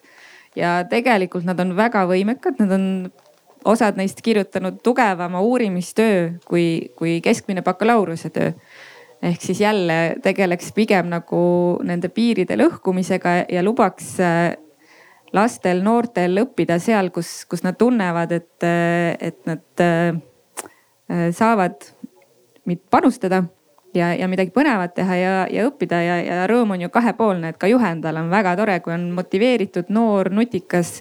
Miks ta peaks ootama bakalaureuse õpingute lõpuni või, või magistritööni. et, et tegelikult teha Eesti jaoks väga olulist teadustööd. on teistel arvamusi küsimusel? Ma täiesti mõistan seda dilemmat, et kas tulevad, kas me läheme tagasi nagu oma juurte juurde ja hakkame kõiki asju tegema käsitsi ja sealjuures siis keskkonnasäästlikult või ikkagi tulevad uued masinad. mina isiklikult ei usu seda, et me oleme valmis masinatest loobuma lihtsalt olen ka seda meelt, et tegelikult teadus on ja innovatsioon on ainus, mis siit välja aitab, ehk et ikkagi mõelda sellele, kuidas ja mida teha nii, et, et sellel oleks väiksem äh, keskkonna jalajälg ähm, ja, ja võib-olla ainus, mida inimene teha saab, on see, et, et äh, tavainimene on see, et, et mõelda, et kas kõike seda, mida me oleme harjunud tarbima, me peame sellisel kujul edasi tarbima, et, äh, et see tõenäoliselt muudab seda, et mida need masinad tegema peavad hakkama see, millele Jaak viitas, tegelikult on üks suurimaid radikaalseid muutusi, mis meid on ees ootamas ja võib-olla uus väärtuskonflikt. me saame aru, et kümne aasta pärast peaks olema Eestis poole vähem autosid kes on teist valmis loobuma sellest? ja kes, kes ütleb, et okei okay,, kõik loobuvad, aga mina mitte, sest ja. mul on põhjendus selle mitte tegemiseks ja, ja see on suur väärtuskonflikt, me saame aru, et me peaksime tarbima poole vähem elektrienergiat. me saame aru väga paljudest asjadest meie ümber, me saame aru, et me, me peaksime saama tarvitada oma noh kümne kilomeetri raadiust kohale tulevat toorainet toiduks ja, aga kes on loobumas siis banaanist või, või miks, miks ma pean nüüd sellest banaanist, miks mina pean sellest banaanist loobuma? Need ja, ja sealt on tulemas väga suur hulk järgmisi väärtuskonflikte, mida me veel ei oska ette näha. seega see masinate lõhkumise metafoor tegelikult on, on kandev ja väga hea tegelikult ka, ka kogu selle teema edasijätkamiseks. jah, siit kui ma kokkuvõtlikult sellise ringi ümber tõmban, meil on terve hulk huvitavaid märksõnu esile tulnud filosoofiast, filosoofidest, rahast, energiast, masinatest, masinate lõhkumisest, tulevikust, ekspertidest samamoodi. seesama masinate lõhkumise temaatika just ludiitide puhul oli see, et nad üritasid ajas tagasi minna, nad olid reaktiivsed, aga meie peaksime midagi paremat pakkuma. no ekspertidena me ei saa midagi paremat pakkuda, kuna me arvatavasti eksime siin aga kas, kui siin oleks üks ühe, jah, kui siin oleks üks üheksa aastane, siis tegelikult tema on see kõige parem allikas küsimaks, Äh, millise masina me selle asemele peaksime tegema, mille me praegu hakkame ära lõhkuma? me peaksime hoolima sellest, et me oma koolisüsteemiga seda üheksa aastast ära ei riku, et, et me teda sellesse vanglasse ei pane. ja teiseks see, see tulevik on, kuna eksperdid ei oska seda öelda ja üheksa aastaselt veel ei usuta, siis järelikult me peame üle elama, me suut-, peame olema suutelised neid vigu taluma. et juhul, kui me vigu ei talu, siis me võiksime kohe ju, ma ei tea, enesetapu sooritada, mis on ka üks eksistentsiaalne valik olnud, et ja, ja inimkond on olnud aeg-ajalt selliste valikute ees. aga näete, siis vastused ei tule mitte meie käest, vaid vastused ongi teie enda teha ja loodetavasti te ei olnud siin ainult vihmavarjus, vaid saite ka natukene, natuke mõtteid vahetada. aitäh teie olemasolu eest, teie andsite energiat meile vestelda ja, ja meie esialgne vestlus, kus äh, omavahel öelda, et miks me siin oleme, noh just sellepärast. et aitäh ja pidage vastu ajakirja Edasi poolt tänan ka kõiki paneliste ja kingime neile ühe koti Edasi ajakirjaga. ja kes tunneb huvi, mis ajakiri Edasi on, siis kõrval on ka telk, sealt saab vaadata ja, ja veebis on ka edasi.org. aitäh kuulamast. selge see.